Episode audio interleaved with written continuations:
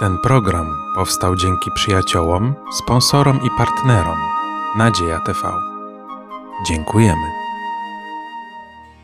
Witam bardzo serdecznie na naszym studium Pisma Świętego w Kościele Adwentystów Dnia Siódmego w Podkowie Leśnej. Tym razem będziemy omawiać temat siedmiu plag ostatecznych opisanych w Apokalipsie Świętego Jana.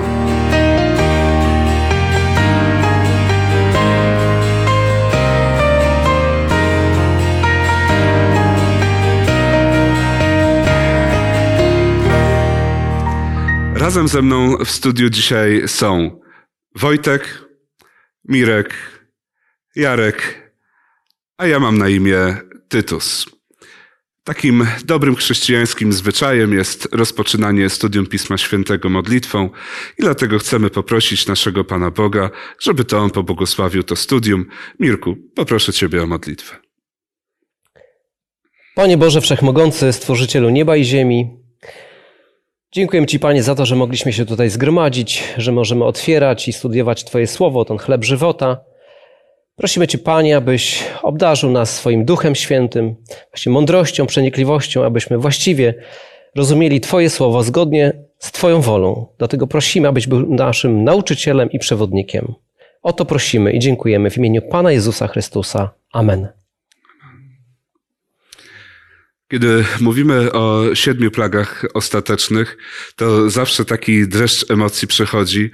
Szczególnie w ogóle jak słyszymy samo słowo plaga, to już gdzieś tam się denerwujemy. Jeszcze ostateczna plaga, to chyba wydaje się, że to jeszcze gorzej. Szczególnie jak słyszymy, że to w Apokalipsie opisane, a ci, którzy czytali Apokalipsę, to jeszcze wiedzą, co tam jest mniej więcej napisane, jak to wygląda, jak to działa i tak dalej. No i jest to coś naprawdę, co jeży włos na głowie.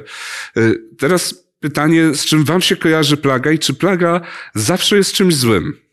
Tak jak przed chwilą wspomniałeś, tak, że kiedy patrzymy na kwestię samej plagi, to zawsze w związku z plagą, zwłaszcza z plagą ostateczną, pojawia się jakiś niepokój, coś, coś niebezpiecznego, tak się nam kojarzy z tym.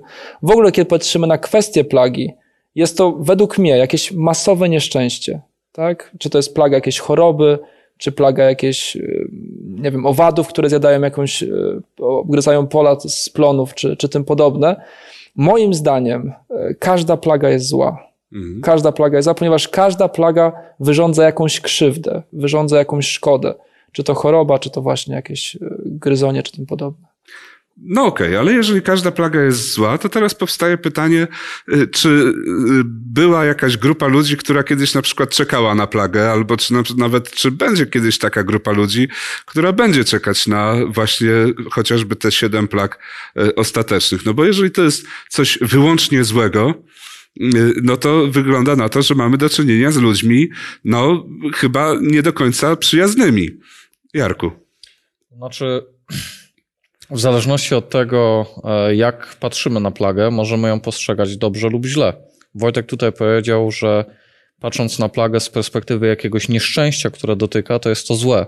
Natomiast patrząc z perspektywy biblijnej, plagi są formą sądu Bożego, pewnego rodzaju wstawiennictwem Boga za jego ludem. I w Księdze Apokalipsy, o ile się nie mylę, chyba w szóstym rozdziale, później też w szesnastym, dusze, które są pod ołtarzem, które reprezentują męczenników Bożych, domagają się sądu Bożego. Domagają się tego, żeby Pan Bóg zesłał plagi.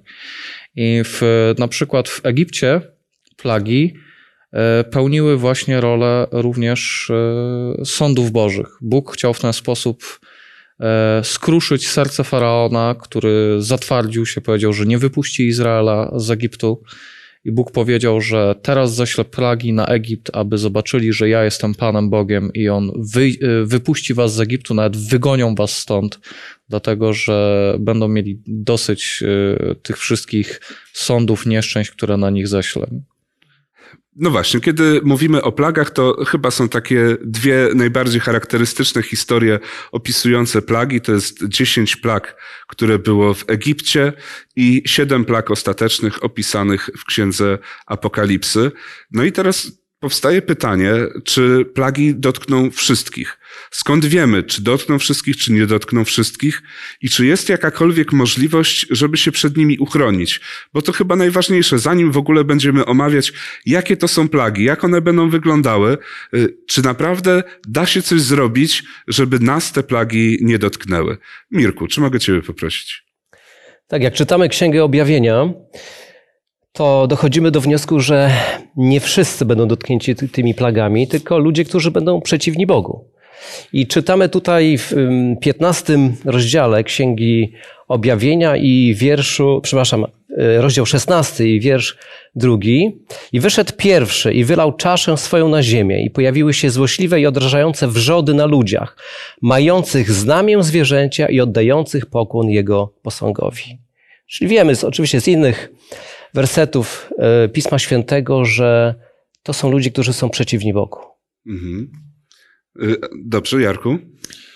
Ja bym chciał tutaj dodać tylko do tego, co Mirek powiedział, że e, owe siedem plag ostatecznych, one jest powiązane też z tymi starotestamentowymi plagami występującymi w, w Egipcie. E, pod tym kątem, że trzy pierwsze plagi, one dotykały wszystkich. Natomiast e, siedem następnych skupiły się tylko na Egipcie. Natomiast Izraelici nie byli tym dotknięci. I właśnie z tego obrazu czerpie autor Apokalipsy, pokazując, że siedem plag ostatecznych dotknie wyłącznie tych, którzy byli przeciwnikami Boga. Liczba siedem jest liczbą pełni. I w Piśmie Świętym w wielu różnych miejscach, również w Apokalipsie jest powiedziane o tym, że ci, którzy odwrócili się od Boga, którzy wzgardzili Jego łaską, będą pić samo czyste wino gniewu Bożego. Ta liczba 7 pokazuje właśnie, że jest to pełny gniew Boży, czyli dotknie tych, którzy po prostu, yy, dla których skończył się czas łaski. No dobrze, no a co możemy zrobić w takim razie, żeby uniknąć e, tych siedmiu plag? Czy jest coś bardzo takiego charakterystycznego, co cechuje no, tych ludzi, którzy będą po tej właściwej stronie? Wojtku. No, kiedy patrzymy na sprawozdanie z Księgi Objawienia, tak, no bo tam możemy znaleźć te dwie grupy ludzi, zarówno tych, których te plagi dopadną, jak i tych, których te plagi nie dopadną, możemy zauważyć, że grupa, która charakteryzuje się tym, że ich plagi nie dopadną, tak, czy ich nie dotkną, jest to grupa, która, jak czytamy w 14 rozdziale i w pierwszym wersecie, i widziałem, a oto baranek stał na górze Syjon, a z nim 144 tysiące tych, którzy mieli wypisane jego imię na czole i imię jego ojca ci, którzy w innych stach mają pieczęć na czole. Tak? Pieczęć jest symbolem przynależności do Boga. W tym samym 14 rozdziale, w czwartym wersecie czytamy charakterystykę tych ludzi. Są to ci, którzy się nie skalali z kobietami, są bowiem czyści, podążają oni za barankiem, dokądkolwiek idzie, zostali oni wykomieni pomiędzy ludzi jako pierwociny dla Boga i dla baranka. Więc tutaj widzimy, że chcąc zabezpieczyć się przed tymi plagami, to jest najlepszym wyjściem jest po prostu ucieczka do Boga. Mhm. My oczywiście mieliśmy już wcześniej studium, kiedy rozmawialiśmy o tym czternastym rozdziale, e, także nie ma potrzeby gdzieś tam może dalej tego rozwijać, e, ale na pewno wiemy tak, że to muszą być po prostu ludzie, którzy są tak naprawdę szczerze, autentycznie zakochani w Panu Bogu. No bo jeżeli tam jest powiedziane, idą za barankiem dokądkolwiek pójdzie, naprawdę trzeba kogoś lubić albo kochać, e, żeby chcieć być wszędzie tam, gdzie On jest, niezależnie od tego, co się dzieje, jakie są okoliczności i tak dalej. Więc to na pewno będzie jakaś, jakaś cecha. Zresztą też w tym czternastym rozdziale, kawałek dalej, byśmy czytali na przykład, że to są ci, którzy przestrzegają przykazań Bożych i mają wiarę Jezusa. Tak, to są też takie oczywiście cechy właśnie tego ludu. Więc to chyba dla nas taka dobra wiadomość, tak, skoro nie wszystkich to dopadnie. Jeżeli jesteśmy autentycznie zakochani w Panu Bogu, jeżeli przestrzegamy tych dziesięciu przykazań, prawda, i, i tej wiary Jezusa, to możemy powiedzieć o sobie, że naprawdę jesteśmy bezpieczni, y, nawet jeżeli dookoła będą działo się nieszczęścia. Jarku? Pojawia się też jeszcze jedna analogia w całym tym temacie, dlatego że w Egipcie tym, co uchroniło ludzi przed plagami, zwłaszcza ostatnią, y, przed plagą śmierci, było to, że pomazali swoje odrzwia e, krwią baranka. I w dwunastym rozdziale, w wersecie jedenastym Księgi Objawienia czytamy, że lud Boży e, zwycięży szatana przez krew baranka i przez słowo swojego świadectwa. E, I Więc, więc tutaj widzimy, że warunki zbawienia nie zmieniają się. Nie zbawia nas ani nie ochrania e, pobożność, jakaś wierność doktrynom, przynależność do jakiegoś konkretnego ugrupowania religijnego. Przepraszam, może Ale- sztuczna pobożność. Tak, sztuczna, Sztuczna pobożność. pobożność tak. nas na pewno nie usprawiedliwi. nie Natomiast tym, co daje nam zbawienie, e, jest tylko i wyłącznie krew Jezusa Chrystusa. Dziękuję za tą odpowiedź. Myślę, że to naprawdę taka dobra myśl, kiedy mamy świadomość tego, że to wszystko gdzieś daje się uniknąć, tak, te, te plagi. Y, No cóż, no to może przejdźmy do omawiania samych plag. Spróbujmy znaleźć początek tych plag. Kiedy y, będziemy wiedzieli, że one się zaczną? Y, I tutaj mamy taką podpowiedź w Księdze Apokalipsy, 15 rozdział, wersety od 5 do 8. Jarku, może ty przeczytasz, a potem Mirek, pierwsza królewska, 8 rozdział, od 10 do 11 wersetu. A potem widziałem, i oto otwarła się w niebie świątynia namiotu świadectwa, i wyszło ze świątyni siedmiu aniołów, mających siedem plag, odzianych w czyste lśniące płótno i opasanych przez pierś złotymi pasami. A jedna z czterech postaci dała siedmiu aniołom siedem złotych czasz pełnych gniewu Boga, który żyje na wieki wieków. I napełniła się świątynia dymem od chwały Bożej i mocy Jego, i nikt nie mógł wejść do świątyni, dopóki nie dopełni się siedem plag siedmiu aniołów. No właśnie, tam jest takie sformułowanie, nikt nie mógł wejść do świątyni. I teraz pytanie, kiedy nie można było wejść do świątyni? Mirku, przeczytaj pierwsza królewska, ósmy rozdział, wersety od 10 do 11. Gdy zaś kapłani wychodzili ze świątyni, obłok napełnił przybytek pański, tak iż kapłani nie mogli tam ustać z powodu tego obłoku, aby pełnić swoją służbę, gdyż chwała pańska napełniła świątynię pańską. No właśnie, no, czy mamy jakąś taką przesłankę, czy może możemy to zrozumieć? Kiedy te siedem plag ma się zacząć? Wojtku. E, No i ja najbardziej jakbym zwróciłem uwagę na ten ósmy werset, tak? I tu jest napisane, że nikt nie mógł wejść do tej świątyni, tak? Mówiliśmy o tym, że chwała Boża wypełniała tą świątynię, ale też to, że nikt nie może wejść do świątyni, a wiemy też, jaką funkcję miała świątynia. Czyli świątynia miała, jakby była miejscem, w którym grzesznik mógł przyjść, aby jego grzechy zostały oczyszczone. Więc rozumiem ten moment, kiedy człowiek nie mógł wejść do świątyni, oznaczał, że nie ma już możliwości przebaczenia grzechów, czyli musiał zakończyć się czas łaski.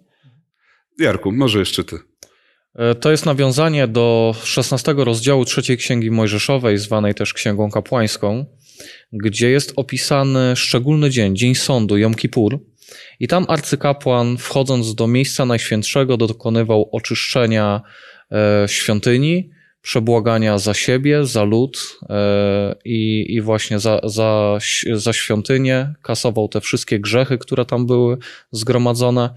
I potem, gdy wychodził, to ci, którzy nie przyszli do świątyni i nie pojednali się z Bogiem, mieli być wytraceni z ludu. To był czas sądu. Ci, którzy się pojednali, dla nich wyjście kapłana oznaczało, że, że oni są objęci łaską, że zostało im przebaczone, że przebłaganie zostało dokonane. Natomiast dla tych, którzy wzgardzili tym, oznaczało to śmierć. I tutaj widzimy, że otworzyła się e, świątynia namiotu świadectwa. I wyszło siedem e, postaci, siedem aniołów z plagami, czyli ich zadaniem jest to, żeby wytracić tych, którzy wzgardzili Bożym miłosierdziem.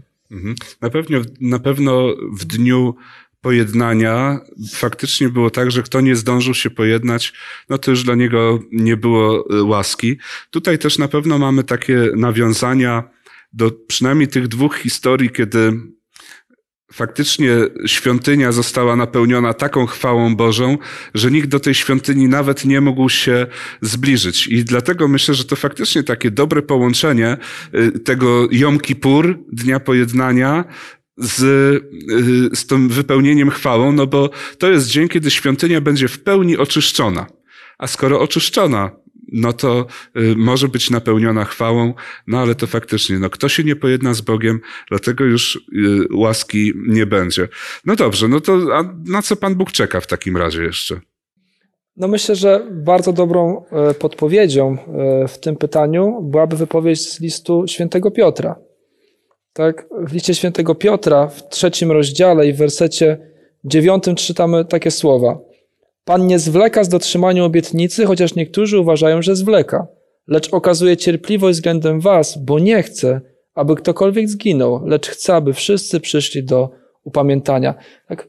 Wobec e, całego tego obrazu tych plag ostatecznych i tego terroru, który tam będzie, tych przerażających obrazów, które będziemy omawiać za chwilę, o jednej rzeczy nie możemy zapomnieć, że Bóg jest Bogiem miłości, że Bóg jest Bogiem troski, że Bóg jest tym, który chce ratować, który chce zbawić człowieka. No, obraz Pana Jezusa, który zszedł na ziemię, aby człowieka uratować, pokazuje, że Bóg, no mówi, że nie zwleka, ale On co okazuje cierpliwość, bo On pragnie, aby jak najwięcej osób było, doszło do upamiętania, czyli aby jak najmniej musiało zginąć.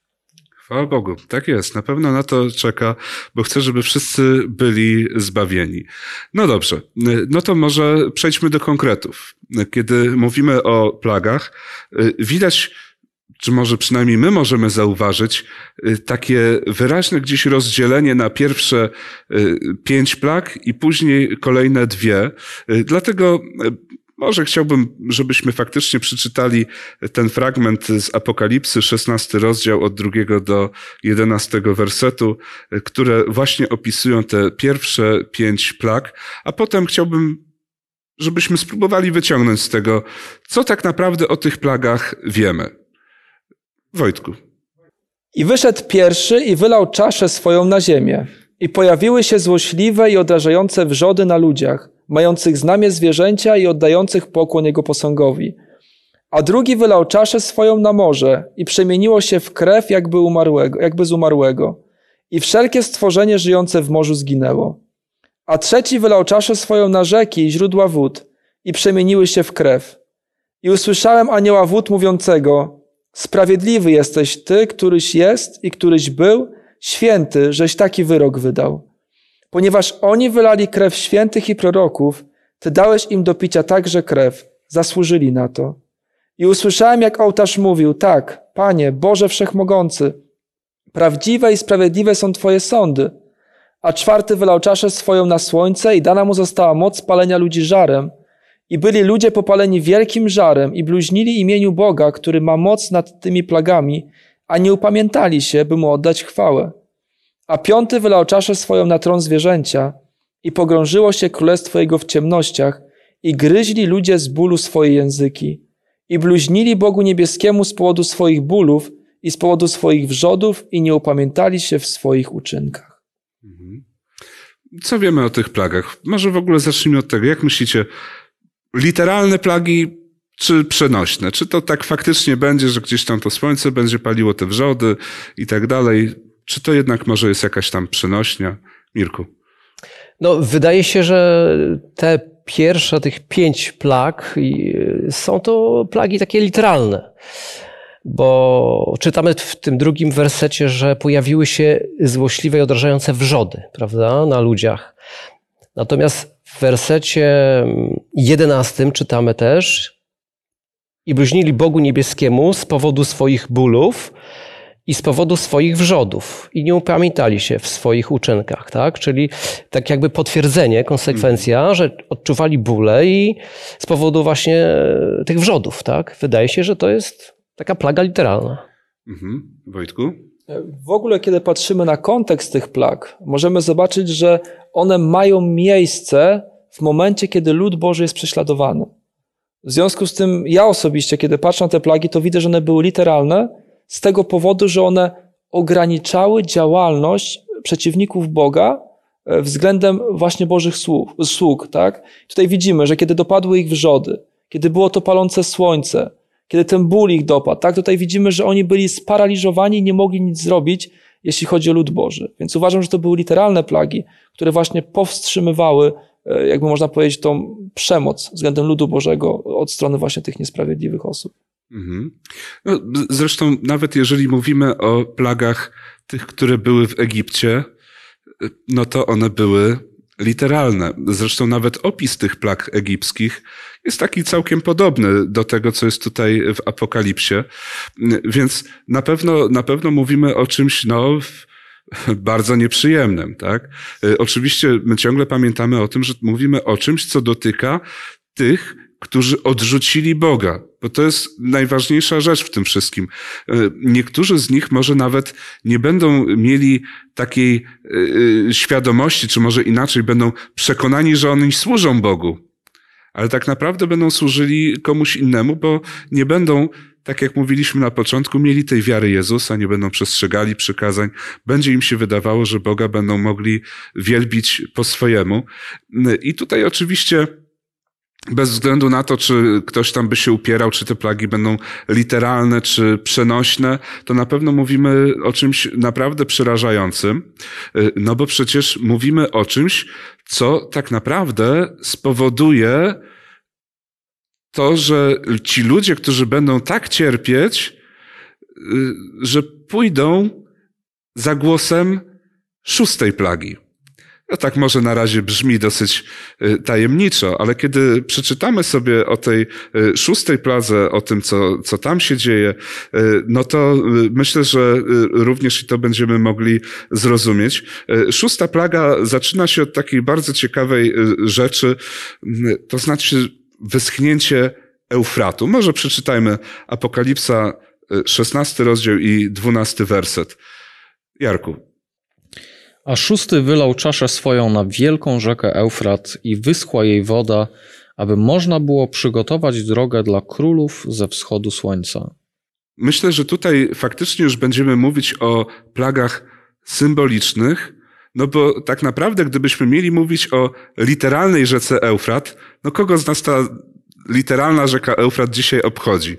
No, no naprawdę możemy powiedzieć, o wyschła, no i, i co z tego?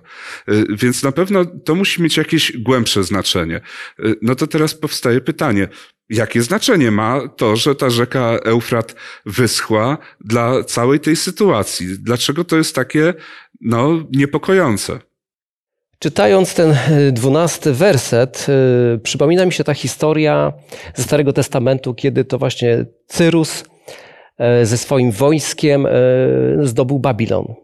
Kiedy właśnie zmieniono koryto właśnie Eufratu, wówczas no, woda zmniejszyła swój poziom, czy wręcz nawet to koryto pierwotne osuszyło się i wojska Cyrusa mogły swobodnie wejść do, do miasta, do Babilonu.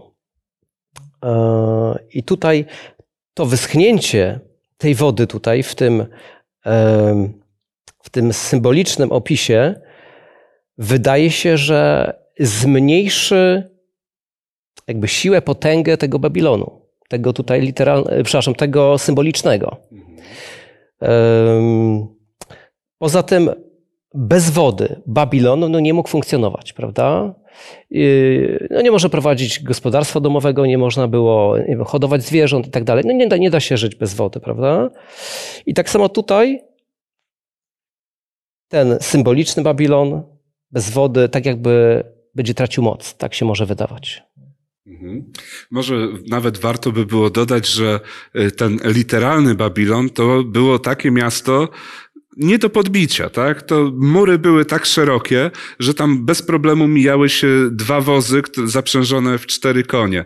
Y, wewnątrz nie tylko przepływała rzeka Eufrat, ale mieli miejsce, gdzie mogli sobie pola obsiewać, więc byli niezależni, y, bo mieli jedzenie i tak dalej, i tak dalej. Nie do pokonania. Nie do pokonania. Więc tutaj faktycznie musimy mówić o jakiejś sile, tym razem będziemy wiedzieli, że mówimy o sile religijnej, na którą wszyscy będą patrzeć i y, powiedzą, no nie, nie do pokonania. Nie ma takiej możliwości, żeby ten Babilon kiedykolwiek upadł, a jednak ten y, y, szósty anioł zapowiada, że ten Babilon już upadł. Dlatego, że, no, tak jak powiedziałeś, Mirku, jeżeli nie ma wody, jeżeli to koryto jest przekopane, jeżeli przez Babilon nie przepływa Eufrat, jeżeli ta rzeka wyschła, to jest możliwość, żeby wejść i żeby w końcu ten Babilon pokonać. Więc to tak naprawdę dla ludu Bożego jest dobra wiadomość, tak, że ten Babilon w końcu, y, w końcu upadnie. Wojtku, chciałeś jeszcze coś dodać? E, też kiedy patrzymy na ten fragment dwunasty, zwłaszcza z drugą część, widzimy, że nie bez powodu też e, autor napisał o tym, że to wyschnięcie rzeki Eufrat miało przygotować drogę dla królów ze wschodu. Tak, kiedy patrzymy na Cyrusa, który zdobył Babilon, tego, który zmienił bieg rzeki Eufrat, dzięki któremu dostali się do tego miasta i mogli je zdobyć, e, to właśnie sam Cyrus, czy też jego królestwo medoperskie, właśnie na mapie, kiedy spojrzymy, znajdowało się na wschodzie. Tak? I tutaj podobnie widzimy, że ta szósta plaga pokazuje przygotowanie na kolejną plagę, która ma zakończyć funkcjonowanie Babilonu, podobnie jak to było w przypadku tego historycznego Babilonu w Starym Testamencie. Jezus miał przyjść od wschodu też. No właśnie, to taki zresztą kierunek, prawda, y, dla nas chyba y, zrozumiały. Y, No to może y, idźmy dalej, no bo y, ja tak sobie myślę, że y, mówiliśmy o tych pierwszych pięciu plagach i mówiliśmy o tym, że one oczywiście takie straszne i tak dalej, a mimo to, mimo to ci ludzie, y, kiedy doświadczą tych plag, to z jakiegoś powodu będą chcieli iść za głosem tych trzech duchów nieczystych, o których dalej opowiada e, właśnie ta szósta plaga. E, Przeczytamy oczywiście ten trzynasty, czternasty werset, żebyśmy wiedzieli, e, o czym mówimy, ale też zastanawiające jest, jak to możliwe, że ci wszyscy ludzie, którzy doświadczają tego, co najgorsze, to jeszcze będą chcieli iść właśnie za tak naprawdę za tymi duchami, które powodują wszystkie nieszczęścia. Może, y, Mirku, przeczytaj y, ten 13-14 werset. I widziałem trzy duchy nieczyste, jakby żaby wychodzące z paszczy smoka i z paszczy zwierzęcia i z ust fałszywego proroka. A są to czyniące cuda duchy demonów, które idą do królów całego świata, aby ich zgromadzić na wojnę w ów, ów wielki dzień Boga Wszechmogącego. Mhm. Jarku, powiedz, jaka jest rola tych trzech nieczystych duchów e, w przygotowaniu e, świata do Armagedonu? W ogóle w końcu się pojawia ten Armagedon. Też będziemy zaraz tłumaczyć, co to w ogóle jest. E, Jeżeli pozwolisz, chciałbym jeszcze się odwołać do wyglądu tych duchów, bo myślę, że to też jest ważne. To są duchy, które przypominają żaby. To też jest nawiązanie do plag egipskich, dlatego że pierwsze trzy plagi były podrobione przez wróżbitów, przez magów e, egipskich, E, czyli e, przemiana wody w krew, wąż, tak, też był przemieniony i żaby, sprowadzenie żab. Natomiast w momencie, w którym Mojżesz już na polecenie Boga przywołał komary i potem muchy, to magowie przyznali, w tym jest palec Boży. Więc żaby to była ostatnia plaga, którą okultystyczną mocą były, byli w stanie odtworzyć ma- magowie. I tutaj duchy mają postać trzech żab, co pokazuje, że ich celem jest ostateczne zwiedzenie świata. Że po tym, co one robią, już innego zwiedzenia nie będzie. I jaka jest ich rola? Tutaj tekst mówi, że mają zwieść ludzi po to, żeby przygotować ich na wojnę przeciwko Bogu Wszechmogącemu. I w 20 rozdziale Księgi Objawienia czytamy o tym, że kiedy niebiańskie Jeruzalem wstępuje na ziemię, E, Wówczas e, diabeł wraz ze wszystkimi nieodrodzonymi ludźmi otaczają to Jeruzalem i chcą się wedrzeć siłą do środka. E, Czemu natomiast ci ludzie w ogóle posłuchali tych demonów? Bo tutaj też było takie pytanie. Dlatego, że oni podrabiają trojanierskie poselstwo z 14 rozdziału.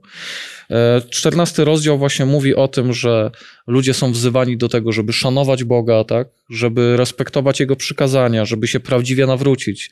Jest zapowiedziany upadek Babilonu, e, jak również kara dla tych, którzy będą podążać za fałszywym systemem polityczno-religijnym. E, Natomiast duchy mają poselstwo będące w opozycji do tego, co zwiastują trzej aniołowie, czyli usypiają czujność. E, Po prostu powodują, że ludzie wierzą kłamstwu. Wojtku, chciałbyś coś dodać? Tylko jedną myśl chciałbym dopowiedzieć, tylko tutaj Jarek powiedział przed chwilą. Zobaczcie jedną rzecz. Mamy sytuację, w której ludzie, którzy twierdzą, że są po prawdziwej stronie, po stronie Bożej, doświadczają nieszczęść. Nagle patrzą, że instytucja zwana Babilonem, która pokazuje siebie jako Boża instytucja, również doświadcza tej plagi ciemności i tego bólu, o którym mówimy. Czyli żeby ten Babilon mógł dalej trzymać tych ludzi w swoich rękach, widzimy, że diabeł musiał zrobić coś szczególnego. Coś, co by tych ludzi zatrzymało, mimo tego, co spotkali. I tym czymś szczególnym, co tu Jarek już wspomniał, były te trzy demony, tak? te trzy duchy, które były wysłane. W innym wypadku ci ludzie zbuntowaliby się przeciwko nim. tak? Bo zobaczyliby, że nie dość, że oni cierpią, to oni również cierpią, więc stwierdziliby, że coś tu jest nie tak, że jednak to nie są Boży e, przedstawiciele. A w tym wypadku, kiedy wysłane zostały te duchy, które czyniły cuda, one jakby utwierdzili ludzi, że mimo tych cierpień, mimo tego, co spotkało Babilon, i tak wszystko jest w porządku. I, chyba jeszcze trzeba by było to rozwinąć, bo mówimy tutaj o ludziach, którzy y, odczuwają te plagi na własnej skórze, ale w tym samym czasie gdzieś tam obok są ludzie, którzy zachowują się inaczej, y, no, święcą jakieś tam te dziesięć przykazań, które przecież wiemy, że to jest mm, stare prawo, już dawno nieobowiązujące, y, y, którzy, nie wiem, może nawet są oskarżani o, nie wiem, o jakiś tam legalizm, czy jakieś tam inne rzeczy. I ci ludzie nie, do, nie odczuwają tych plag. No to jaka musi być tutaj nienawiść, tak? Kiedy ja cierpię, a, a, a ci ludzie, o których myślę, że są gorsi ode mnie, tak? Są, nie wiem, nie są dobrymi chrześcijanami, tak? Są odstępcami w moim rozumieniu, a oni nie cierpią. Prawda? Więc, yy, więc to chyba też jest jakaś taka odpowiedź, dlaczego ludzie w ogóle postanowili posłuchać tych głosów tych trzech yy, duchów nieczystych. No bo inaczej tak naprawdę nie byłoby to sensu. A tu jeszcze nie dość, że te duchy nieczyste przychodzą, nie dość, że świetnie podrabiają, prawda, istoty gdzieś tam jakieś tam anielskie, boskie, y, no to jeszcze y, do tego czynią cuda. To też jest chyba takie znamienne, prawda, y, że tutaj właśnie cuda są takim wyznacznikiem tego kościoła, który nie jest Kościołem Bożym. To jest bardzo ciekawe, bo my będziemy, my zawsze czytamy Pismo Święte, mówimy o chrześcijaństwie, o jakie cuda są. Nawet Pan Jezus powiedział, że jeszcze większe cuda będą się działy. No to, no to dlaczego miałoby to się nie dziać w Kościele Bożym? A z drugiej strony jednak na przykład Pan Jezus sam powiedział, Ewangelia Mateusza, siódmy rozdział, yy, opowiedział tą historię, kiedy wielu powie, czy nie, nie, czy nie czyniliśmy wielu cudów, nie wypędzaliśmy demonów, nie uzdrawialiśmy, wszystko w Twoim imieniu. A Pan Jezus mówi, no nigdy was nie znałem, idźcie precz ode mnie wy, którzy czynicie bezprawie. Yy, więc znowu tak naprawdę popatrzcie, że wracamy do tego czternastego rozdziału Apokalipsy, kiedy mówimy o tym, Y, że lud Boży to są ci, nie ci, którzy czynią cuda, tylko ci, którzy przestrzegają przykazań Bożych i mają wiarę Jezusa. No ale źródło tych cudów też y, jest y, jednoznaczne, tak? Dlatego, że są to czyniące cuda duchy demonów. Więc ta demoniczna trójca, smok, bestia z morza i fałszywy prorok, albo inaczej bestia z ziemi, e, one posługują się spirytyzmem celu e, zwodzenia e, ludzi. To, to też warto jest podkreślić, że zarówno smok, który jest symbolem diabła i szatana, posługuje się najczystszą formą okultyzmu, ale też bestia z morza, potęga polityczno-religijna Rzym, ona posługuje się e, spirytystycznymi objawieniami i innymi cudami. Natomiast Stany Zjednoczone, ostatnia potęga, tak, oni mają demoniczny ruch ożywieniowy, który zwodzi cały świat. I to też się opiera na, na okultyzmie, na spirytyzmie. Ja może powiem y, to takimi słowami.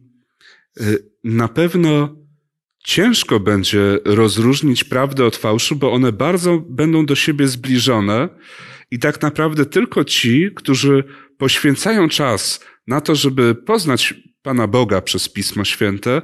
I ci, którzy są tak szczerze oddani Panu Bogu, którzy nie mają takiego podejścia do wiary, y, że ja będę Panu Bogu narzucał, jak ja mam wierzyć, tylko są gotowi dostosować się do Pana Boga, powiedzieć, Panie Boże, no, Ty jesteś moim Bogiem, ja do Ciebie mam zaufanie i skoro Ty mówisz, że tak należy postępować, to ja tak będę postępował, y, to będą ci ludzie, którzy wybiorą właściwie którzy wybiorą właściwie. Y, dlatego tak ważne jest, żeby chrześcijanie naprawdę poświęcili czas na badanie Pisma Świętego, prawda?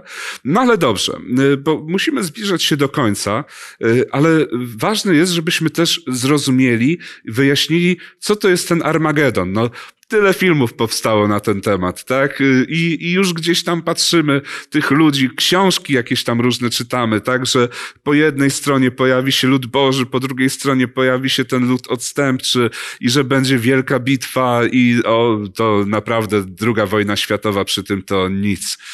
I nie wiadomo jeszcze, jakie tam będą e, bronie, na co oni tam będą walczyć i tak dalej, i tak dalej.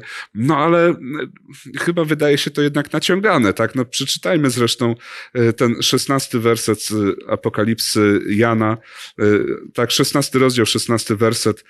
Co czytamy w ogóle o Armagedonie? I zgromadził ich na miejscu, które po hebrajsku nazywa się Armagedon. No właśnie. I to jest tyle. Co tam w tym Armagedonie ma się dziać? Co to w ogóle jest ten Armagedon? Co, czy wiemy cokolwiek na ten temat? Kiedy patrzymy w ogóle na całą kwestię tego boju, który się toczy, tak? To wspomniałeś o tych różnego rodzaju filmach, wyobrażeniach tego, jak to będzie wyglądać, widzimy, że ten bój jest czysto duchowym bojem. Że ten bój jest bojem między mocami ciemności, między mocami światłości, tak? Między Bogiem, między szatanem, między Bożym ludem, a diabelskim ludem, tak? Czy tutaj widzimy, że to jest typowo duchowa walka. Więc ja tam nie uwzględniałbym w to tych wszystkich wizji, jakichś nie wiadomo jakich wojen, zagład i tym podobnych, tak? Kiedy zaś patrzymy na miejsce Armagedon, na, na, ten, na, to, na, to, na to miejsce, w którym ma ta walka się odbyć, to jeśli chodzi o mm, miejsce fizyczne, które moglibyśmy znaleźć, które moglibyśmy określić jako to miejsce, to jedyne, które pasuje, to są pobliża góry Karmel. Tak? A Góra Karmel, jeśli chodzi o Stary Testament, ona również przedstawia jedno z największych walk między mocami ciemności i mocami e, światłości, które miały miejsce w Izraelu, tak? między Eliaszem a prorokami Bala. I tam również dowiadujemy się o tym, że e, i prorocy Bala, i Eliasz mogli objawić moc swoich, swojego Boga, czy też swoich bogów, tak, w przypadku e, proroków Bala. I tam również widzimy tą zwycięską walkę, kiedy to Bóg objawił swoją chwałę, e, rozpalając tak e, ogień i spalając ofiarę. Może nawet warto by było powiedzieć, bo ja nawet byłem w Izraelu i oglądałem to wszystko. Tak naprawdę, kiedy mówimy o, to, to jest bardziej wzgórze Megido, po hebrajsku Har Megido, tak? Stąd, stąd nazwa Armagedon, tak? Har Megido. Byłem tam, oglądałem to. Akurat faktycznie samo wzgórze Megido nie jest jakoś tam bardzo imponujące, ale wiemy z historii, że to było miejsce bardzo strategiczne, dlatego że jeżeli ktokolwiek chciał napaść na Izraela, to musiał tam stoczyć taki pierwszy, najpotężniejszy bój. To była naprawdę potężna, warowna, potężne, warowne miasto. Yy, I, I dlatego prawdopodobnie Jan wybrał akurat właśnie to, Harmegido, prawda? Yy, faktycznie niedaleko, yy, niedaleko jest góra, na której Eliasz, prawda, pokazał, kto jest prawdziwym Bogiem i tak dalej. Więc cała logika tych wszystkich wydarzeń jest taka, że najpierw pojawiają się nieszczęścia, które dotykają ten lud odstępczy, tych, którzy odrzucili Boga. Y, później ci ludzie zaczynają się buntować. Zbuntowani to są od zawsze, ale buntują się jeszcze przeciwko temu ludowi. Jeszcze jest ktoś, kto podsyca tę ich nienawiść, y, więc możemy faktycznie powiedzieć o tym, że to będą ludzie, którzy będą chcieli naprawdę zniszczyć lud Boży, tych, którzy tych y, plag nie odczuwają no to co się z nimi stanie w takim razie? Co się stanie z tym ludem Bożym y, i z tymi wszystkimi ludźmi, którzy gdzieś tam y, no, próbują z nimi walczyć? Tak, tutaj czytamy też o jeszcze siódmej pladze w siedemnastym wersecie. A siódmy wylał czaszę swoją w powietrze i rozległ się ze świątyni od tronu donośny głos mówiący stało się. Jeszcze osiemnasty wiersz. I nastąpiły błyskawice i donośne grzmoty, wielkie trzęsienie ziemi, jakiego nie było, odkąd człowiek istnieje na ziemi. Tak potężne było to trzęsienie. I z dziewiętnastego wiersza też dowiadujemy się, że mm, ten wielkie miasto Babilon rozpadło się pod wpływem tego trzęsienia ziemi na trzy części. Tak jakby część smoka, zwierzęcia z wody i tego zwierzęcia ziemi, czy też fałszywego proroka.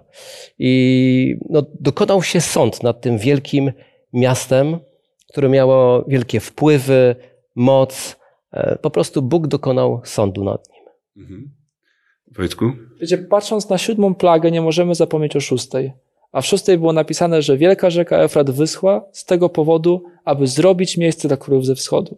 Czyli kiedy patrzymy na siódmą plagę, kiedy patrzymy na to, co się wydarzy z Babilonem, tam ewidentnie możemy umieścić powtórne przyjście Pana Jezusa, tak? Króla ze wschodu wraz ze swoimi aniołowie, aniołami, tak? Czyli królami ze wschodu. Czyli on przybywa po to, aby dokonać ostatecznego sądu, ale też po to, aby zabrać zbawionych. Znowu do listu Piotra wrócę, dlatego że list Piotra bardzo ciekawy sposób to opisuje. Trzeci rozdział, dziesiąty werset. A dzień pański nadejdzie jak złodziej, wtedy niebiosa z trzaskiem przeminą, a żywioły rozpalone stopnieją, ziemia i dzieła ludzkie na niej spłoną. Czyli widzimy, że siódma plaga, to co czeka Babilon, to jest powtórne przyjście Chrystusa, który przychodzi, aby zakończyć dzieje grzechu na ziemi. Czyli popatrzcie, kluczem w tym wszystkim jest to, że to nie my walczymy. Amen. To walczy Jezus Chrystus. Y, Czy my możemy jakoś się na siedem la- plag y, przygotować? Nie wiem. Teraz są na przykład takie konserwy, wiecie, chleb w puszce, 7 lat y, data ważności, y, czy jakieś tam inne tego typu. y, Może to jest sposób, w jaki powinniśmy się przygotować na te wszystkie plagi, na to, co ma nadejść. Nie, walczy za nas Bóg. Kiedy przychodzą ci, którzy chcą zrobić krzywdę ludowi Bożemu, to wtedy Pan Bóg po prostu nie pozwala na to i kończy historię grzesznego świata. Y, Więc to jest chyba fantastyczna wiadomość. Dlatego no, mówiłem, czy wszystkie plagi są złe. Oczywiście one nie są przyjemne. Cała ta sytuacja nie będzie przyjemna ani dla ludu Bożego, który musi uciekać, ani dla tych, którzy będą odczuwali te plagi. No ale mimo wszystko, to Pan Bóg nad tym wszystkim czuwa i dlatego to jest coś, czego naprawdę nie trzeba się obawiać i myślę, że możemy za to naprawdę dziękować Panu Bogu, bo to jest dla nas naprawdę fantastyczna wiadomość. Jarku, czy mogę Ciebie poprosić o modlitwę na koniec? Kochany Panie i Boże, którym mieszkasz w niebie, dziękujemy Ci za to, że dzięki Twojemu Słowu możemy być przygotowani na, e, na to, co ma nadejść, że Twój lud będzie przygotowany również na ten czas plag. Nie tak jak właśnie Tytus mówił, że jakieś zapasy będą robić czy kryjówki, ale że Duch Twój Święty będzie miał prawo pracować nad naszymi sercami, umysłami i zmieniać nas na Twój obraz i podobieństwo, abyśmy mogli zachować wiarę i miłość, gdy przyjdziesz, Panie, w swojej chwale i w majestacie. Modlimy się za wszystkich ludzi, którzy żyją na tym świecie, aby jak największa ilość z nich mogła poznać Twoją prawdę i być zbawiona i nie musiała uczestniczyć w sądzie, który objawi się za pomocą tych siedmiu plag. Daj, Panie, żeby Ewangelia rozchodziła się we wszystkie zakątki ziemi, czy to przez internet, czy przez bezpośredni kontakt jednego człowieka z drugim, tak aby każdy miał możliwość poznać Twoją prawdę i wybrać, kogo chce uczynić Bogiem w swoim życiu. Oddajemy się, Panie, w Twoje ręce. Prosimy, aby również i ta lekcja była takim bodźcem dla tych, którzy będą jej słuchać, aby mogli zawrzeć przymierze z Tobą i zachwycić się Twoim słowem. Prosimy o to w imieniu Jezusa. Amen. Amen. Dziękuję Wam za Wasz udział, również i internautów żegnamy i oczywiście zapraszamy na kolejne studium z Księgi Apokalipsy, które odbędzie się już za tydzień. Do zobaczenia.